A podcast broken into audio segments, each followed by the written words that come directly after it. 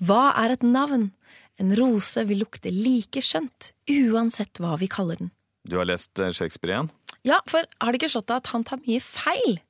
Om kjærligheten? Nei, om epler. Ja, eplet tilhører rosefamilien, men jeg, det lukter jo ikke like skjønt. Nei, jeg syns det lukter bedre. En rose ved noe annet navn lukter kanskje bedre. Dagens tema er i alle fall håpløs kjærlighet som fører til død og liv. Og epler, naturligvis.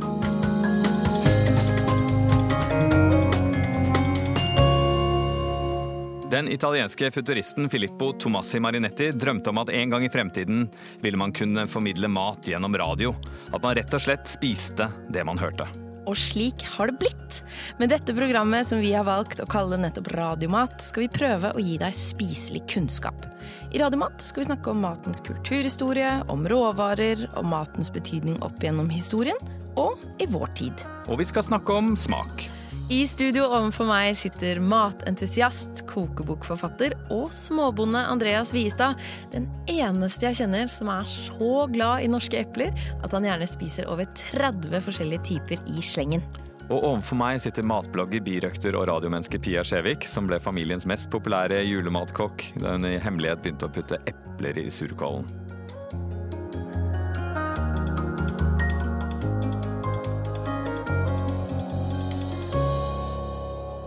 Så tok hun av frukten og spiste. Hun ga også til mannen sin, som var sammen med henne, og han spiste. Da ble øynene deres åpnet, og de skjønte at de var nakne. De flettet sammen fikenblader og bandt dem om livet. Du kjenner igjen teksten, ikke sant? Ja, jeg gjør jo det. Det var da det gikk skikkelig gærent i Edens hage. Ja, eller kanskje da det gikk bra, på en måte, at vi kom til fornuften. Det er uansett eh, første Mosebok, tredje kapittel, vers seks og sju. Og du hører hvilket ord som mangler der. Ja, jeg gjør jo det. Eple. Det er ikke noe henvisning til eple i Edens eh, hage. Altså, I den opprinnelige eh, versjonen på hebraisk så bruker man ordet peri, og, og det betyr frukt. Så det er, kan, være, eller kan ha vært en hvilken som helst frukt?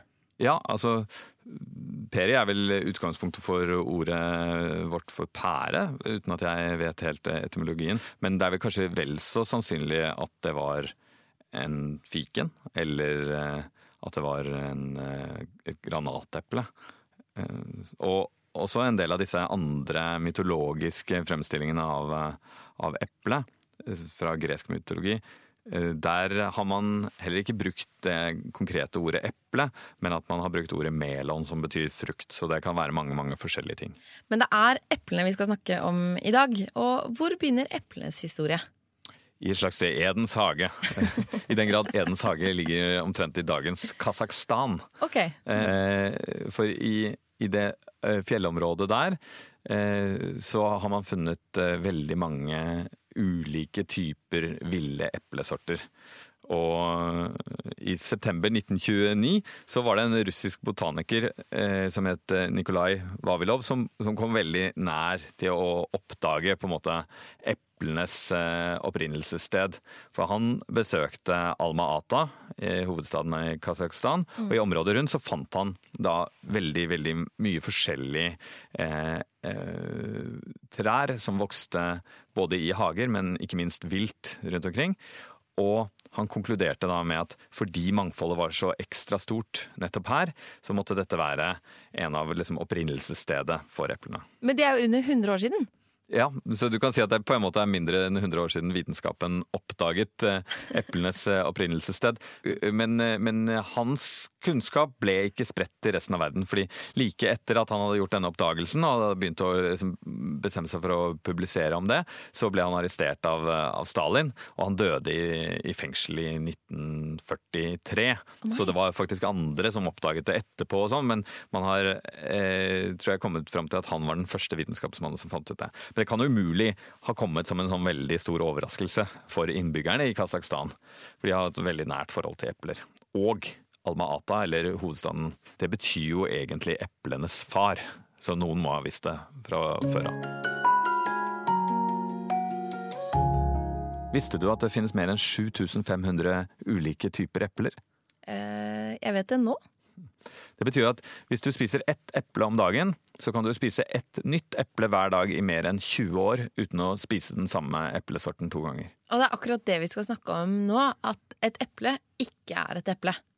Det er i hvert fall ikke bare et eple. Eh, vet du hva du får hvis du planter et av frøene du finner inni et eple? Et epletre?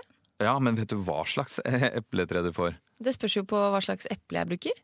Ja, men det er ikke sånn at hvis du spiser et gravensteineple, og så setter du frøet i jorda, så får du en gravensteinepletre. Hva får du da? Det vet man ikke. Det er litt sånn som eh, når man får barn. Eh, så vet man hvem, eh, hvem mor er, og til en viss grad vet man hvem far er. Av og til.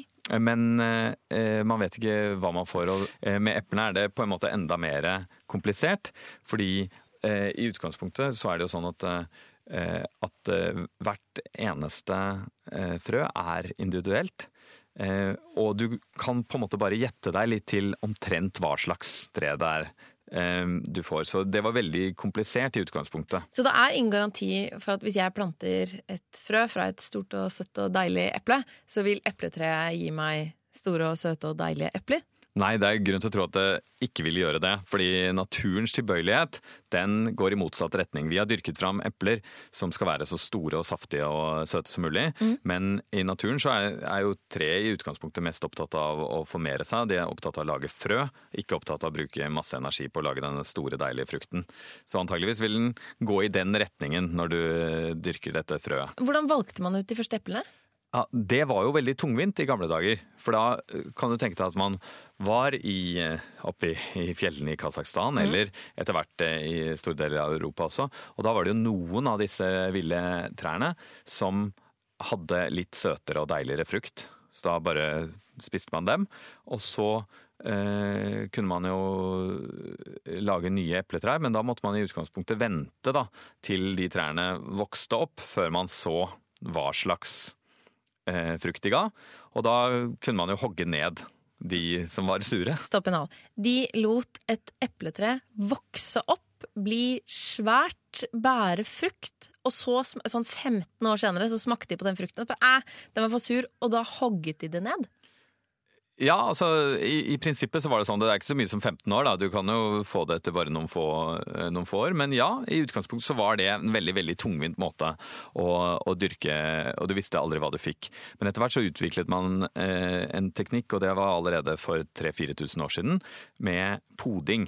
Og hva er poding? Det er at man tar en eh, kvist fra et tre som, man, som har de egenskapene man liker, og så har man en rotstokk eller en, eh, eh, eller en kvist på et annet tre, og så fester man den og, og binder fast, og så håper at, den, at, den, eh, at de, de godtar hverandre.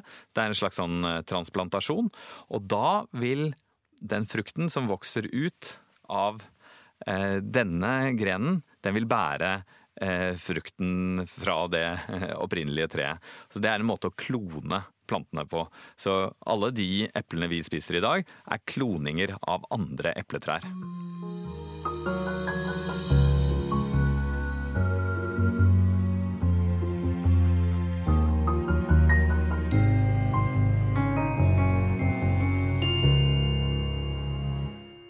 Vi i Radiomat er eh, veldig opptatt av Romerike, og gullstandarden vår er eh, hvis vi kan knytte en matåre til Romerikets opprinnelse, storhet eller fall. Hvordan er det med Romerike og eplene, Andreas? Ikke så viktig, dessverre. Oh. eh, romerne kjente til, eh, til dette med poding av epler. De spiste epler. Epler var i og for seg dyrt og fint, men det var ikke sånn all verdens viktig. Eh, Det har jo kanskje også sammenheng med at, eh, at det- var ikke de aller beste Altså, Roma er såpass langt sør, så det er liksom ikke de, det aller beste klimaet for å dyrke epler. Det er det jo snarere liksom ved Sør-Tyrol. Men de som virkelig var en del av Romerriket og var opptatt av epler, det var, det var gallerne. Eh, og det er det jo fortsatt i dag. Altså, eh, da, da dyrket man epler i eh, i liksom nord i Frankrike. Og Normandie og sånn, der er det jo fortsatt enormt med epleproduksjon. Men det, men det vi så, var jo at eh, litt seinere så, så var jo vikingtiden. Og da var det jo sånn at eh, eplet var godt kjent i, i Viking-Norge også. Og man har funnet epler i Osebergskipet. Så det er jo tegn på at man har dyrket det. Ja, Hvor lenge har man dyrket epler i Norge? Ja, altså i hvert fall eh, Siden man har funnet det i Osebergskipet, så må det jo ha vært eh, grunn til å tro at det er en, en stund før det. Mm. Men det var heller ikke forferdelig viktig. Altså, Vikingene var jo veldig veldig opptatt av øl. eh, og det var, det var, på en måte gullstandarden. Ikke bare for hva de likte å drikke, men det var liksom målestokk for om, de, om man var skikkelige folk. Det var om man brygget eh, øl. Så de, sin, de holdt seg med Idun, som var en egen gud for, eh, for, ungdom og epler.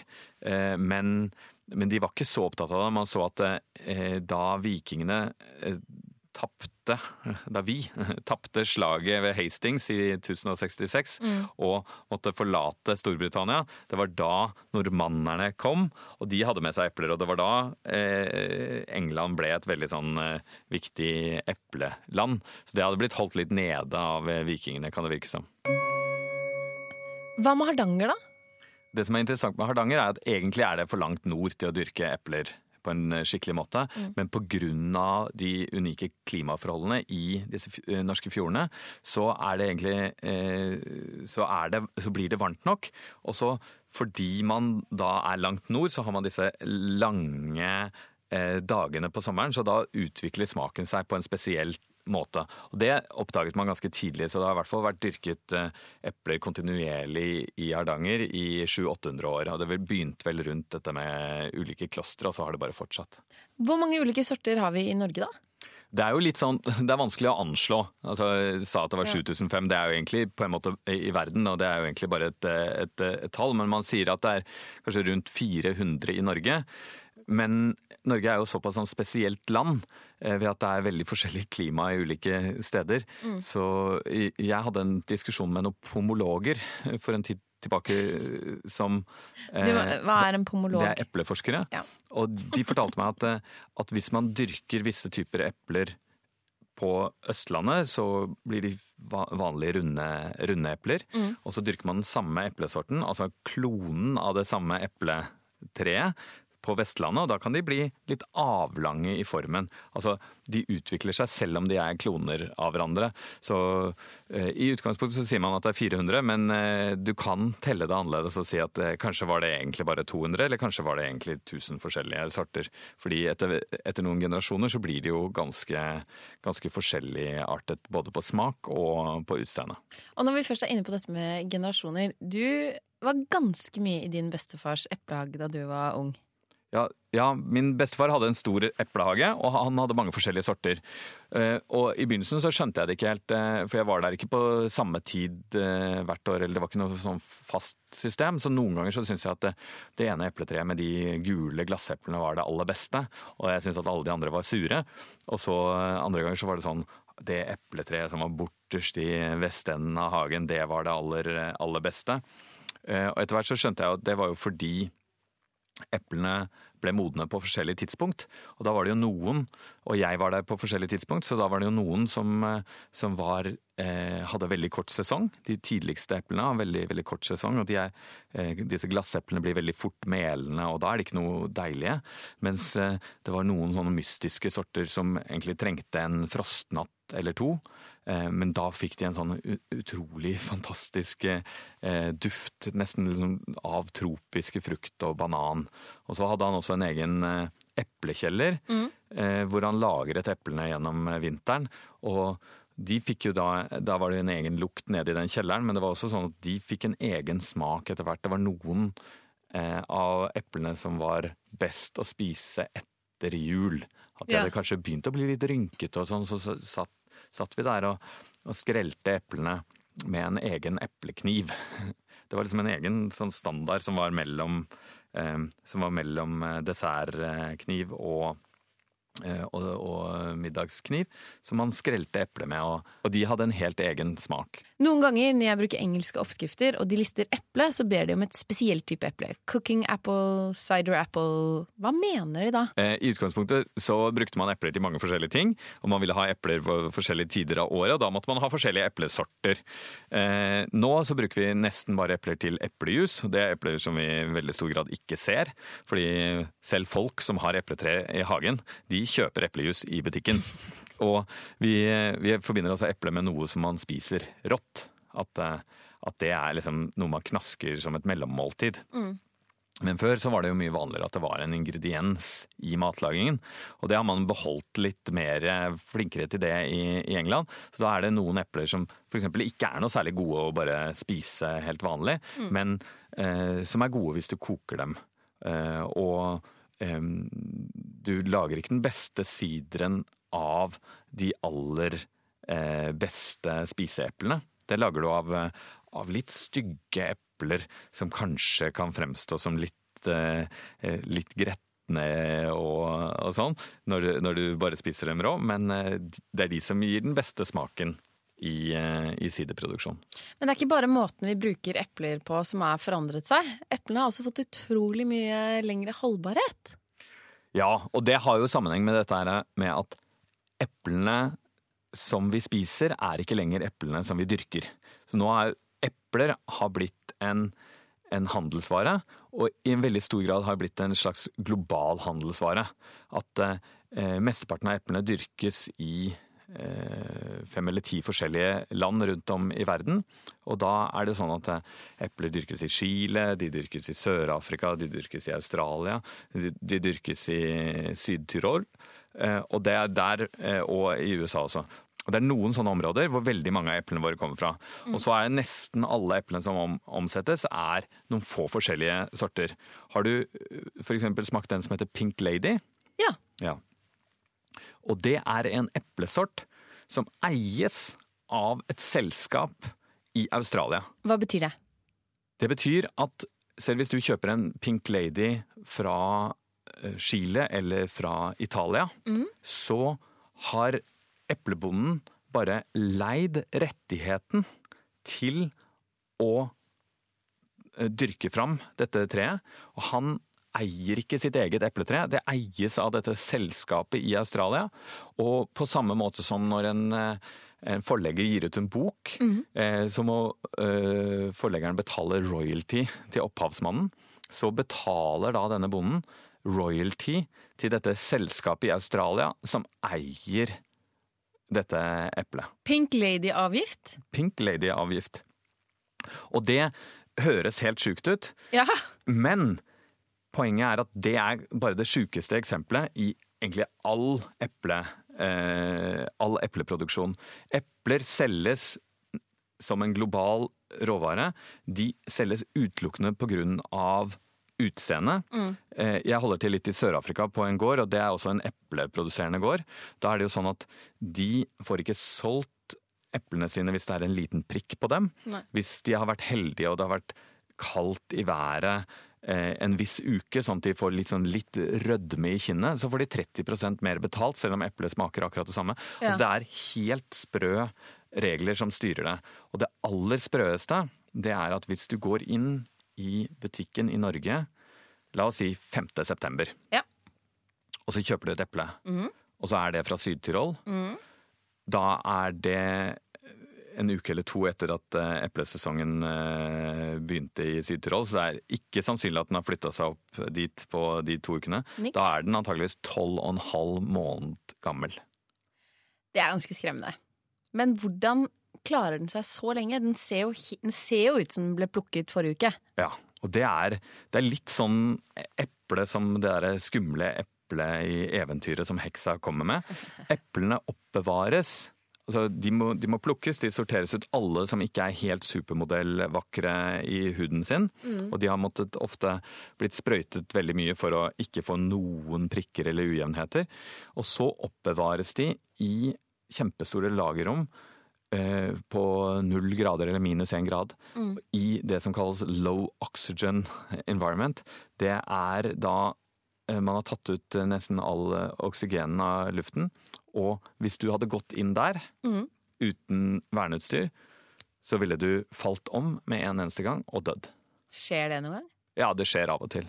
Det skjer av og til, Men det, de har jo rutiner. Dette er veldig industrialisert. Ja. Men når, du, når vi går i butikken og kjøper et eple, så tenker vi at vi kjøper en bit av naturen, men vi kjøper faktisk en av de matvarene som er mest manipulert. Først da gjennom mange tusen år med framkloning av eh, egne arter, og så det at gjennom hele dyrkesesongen så har den blitt sprøytet, den har blitt passet på for å se helt perfekt ut. Og så har den da blitt eh, oppbevart i mange, mange måneder i en sånn nesten frossen tilstand, eller helt sånn så, som, eh, som sånne eh, Som astronauter når de er på romskip.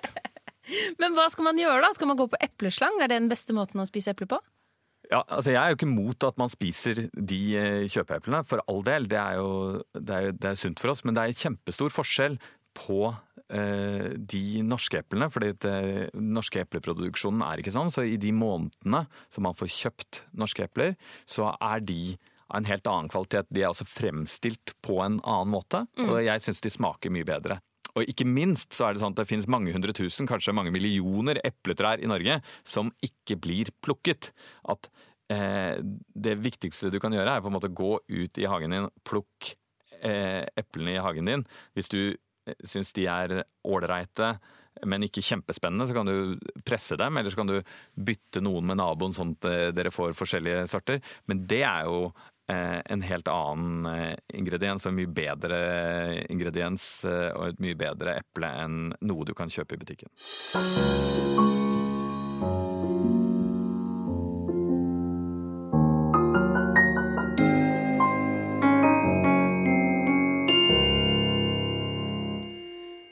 Sunt er eple?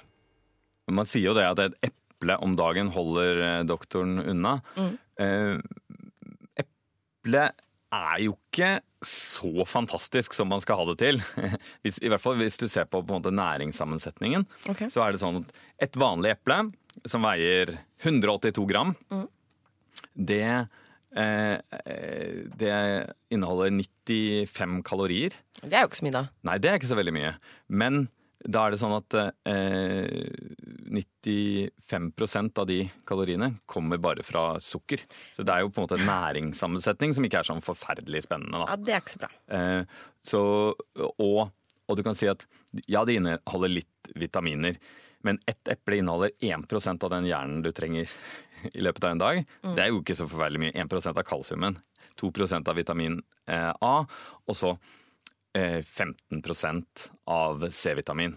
Og Det betyr at du må spise seks-sju epler før det er eh, nok til å dekke C-vitaminbehovet på en dag. Og da har du fått i deg veldig mye sukker innen den tid. Um, så, så jeg tror at det er andre grunner til å spise epler. En av dem er jo det at eh, det er bedre enn mye annen mat som, som mellommåltid. Smaker godt. Ja, Og at det smaker godt. Det, det gjør deg glad. Eh, og så er det liksom litt bra for eh, tannkjøttet, f.eks. Vi er jo ikke, vi er jo ikke egentlig laga til å, å bare spise så prosessert mat som vi har. Så da er det bra med en sånn eh, røff ting å bite inn i som stimulerer eh, tannkjøttet. Eh, men, men man på en måte kan like gjerne argumentere for at eh, eplet er ikke supersunt. Det er innen liksom det er en ting med masse sukker, og kjernen inneholder blåsyre. Blåsyre. Ja, De små kjernene de smaker litt bittert, og det er bl.a. fordi de inneholder eh, blåsyre. Men i ganske små mengder. Du skal, eh, du skal spise en hel del eplekjerner før, eh, før du blir forgifta, og det tror, jeg ikke, det tror jeg ikke du orker. Et eple rett fra treet er jo det aller beste, men mesteparten av året så får vi bare tak i kjøpeepler fra butikken. Er det noe vi kan gjøre for å få de til å smake litt bedre? Ja, og det er jo forskjell på dem òg. Altså når de få månedene hvor vi har de norske eplene i butikken, så smaker de litt annerledes, for de har ikke gått gjennom en like eh, eh, industrialisert, like røff prosess. Og de er også sorter som er valgt ut litt pga. smak, ikke bare pga. evnen til å holde seg godt og se bra ut i 14 måneder. Mm. Men en ting du kan gjøre hvis du har et sånn vanlig gult eple ja. eh, som ser helt perfekt ut, eh, så er jo nettopp det at det ser helt perfekt ut, er kanskje en indikasjon på at det ikke smaker helt perfekt. For de beste eplene er jo gjerne begynt å bli litt rynket og fått eh, litt sånn av disse det man sier litt sånn sekundære aromaer og sånn. Men det du kan gjøre, er rett og slett å eh, legge dem eh, i en, i en eh, papirpose. Okay. Tre-fire epler. Og så lukke papirposen. Så slipper de ut litt etylengass. Og da begynner de en sånn modningsprosess av det. Og hvis du gjør det på kjøkkenbenken i, romtemperatur. ja, et par-tre dager. Mm. Så, vil du, så, vil du, se at de liksom begynner å bli litt rynkete i skinnet, litt uh, sånn. Og da vil de ha en ikke, ikke, på en måte fantastisk smak, de lukter ikke og smaker ikke som uh, i bestefars eplekjeller, men uh, de vil ha litt mer modning og utvikling. Jeg bruker eple når jeg lager surkål før jul, men jeg bruker også eple i kålsalat, i pasta og når jeg lager hønsefrikassé. Ja, og det er nettopp en av de tingene som er smart da, da eh, med, med eple. Det er å huske på at det er eh, også kan brukes som en grønnsak. Eh, I tillegg til de eksemplene dine, så er det sånn av og til eh, når jeg lager en, eh, en potetstappe, hvis jeg vil at den ikke skal være eh, så tung, og, og, kanskje hvis jeg har den samme fisk, så hender det at jeg tar oppi litt, litt grann eple. Enten når jeg moser potetene, eller at jeg har oppi eplebiter sammen med potetene i et par minutter, og så moser det. Da får det en annen letthet og friskhet. Og noen ganger så bruker jeg det også sammen med ovnsbakte rotgrønnsaker, sammen med rødbet og kålrot og sellerirot. Og, og, legger noen eh, eplebåter der. Og da gir det ofte en fin sødme og fin syrlighet. Eh, så Det er kanskje der hvor vi har mest potensial til å liksom utvide eplebruken. Og det fine da er at da spiller det ingen rolle om eplene er liksom litt grann rynka og, og, og sånn. Eh, så det, det eplet som har ligget litt lenge bakerst i kjøleskapsskuffen eller på kjøkkenbenken, det kan fint brukes i, i sånn matlaging, selv om du kanskje ikke har lyst til å, å, spise det som det er. Men dagens oppskrift, den er søt? Ja, det er den. Eh, jeg har alltid vært veldig glad i bakte epler. Mm. Men sånn ovnsbakte epler. Og det er jo egentlig veldig enkelt. Du bare eh, skjærer ut eh, kjernehuset, og så, og så, baker du den gjerne med noe honning og sånn. Det jeg syns kanskje eh, har vært problemet litt med det, har vært at, at det noen ganger kan bli på en måte for snilt. Så ved en anledning når vi var og, og gjorde et fjernsynsprogram i, i Hardanger, så, så, fikk jeg låne et sveiseapparat. Og, og, rett og slett brukte en sånn skjærebrenner til å nærmest forkulle et eple, bare for moro skyld. Høres dramatisk ut. Ja, det var litt, egentlig liksom gjort litt av oppfinnsomhet og litt av kjedsomhet. Ja. Eh, og resultatet var kjempegodt når man børstet bort eh, det, det, svidde. Så var det, eh, så var det bakt. Eh, fortsatt litt sånn rått i midten. Man kan etterligne det samme på grillen mm. ved å rett og slett legge eplene nede på kullene, og så vende dem eh, noen ganger der, men sånn at det ser ganske sånn skummelt og, og svidd ut. Og når eplene er avkjølt nok til at du klarer å håndtere dem, mm. så gjelder det da å bare børste av det som er svidd. Og da spiller det ikke så stor rolle om den er litt for svidd eller litt for lite svidd. Jeg syns det er deilig etter et kvarters tid, så er min erfaring at da er de ganske forkulla utenpå, men fortsatt litt rå i midten. Og da skjærer jeg det i mindre biter, vender det med honning og har over litt yoghurt naturell, og så kanskje strør over enten litt sånn eh, tørka brødsmuler eh, eller eh, hakka nøtter, og kanskje litt grann kanel.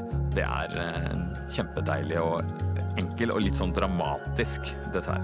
Dette var dessverre alt vi rakk av Radiomat denne uken. Hvis du vil høre programmet igjen, eller kanskje dele det med en venn, så kan du laste ned programmet som podkast. Og når du først er inne på podkastsiden din, så må du gjerne gi oss en karakter. Da blir det nemlig enda flere som får stilt sin nysgjerrighetssult på mat. I alle fall for noen timer. Vi høres igjen neste uke. Jeg heter Andreas Wiestad. Og jeg heter Pia Skjevik.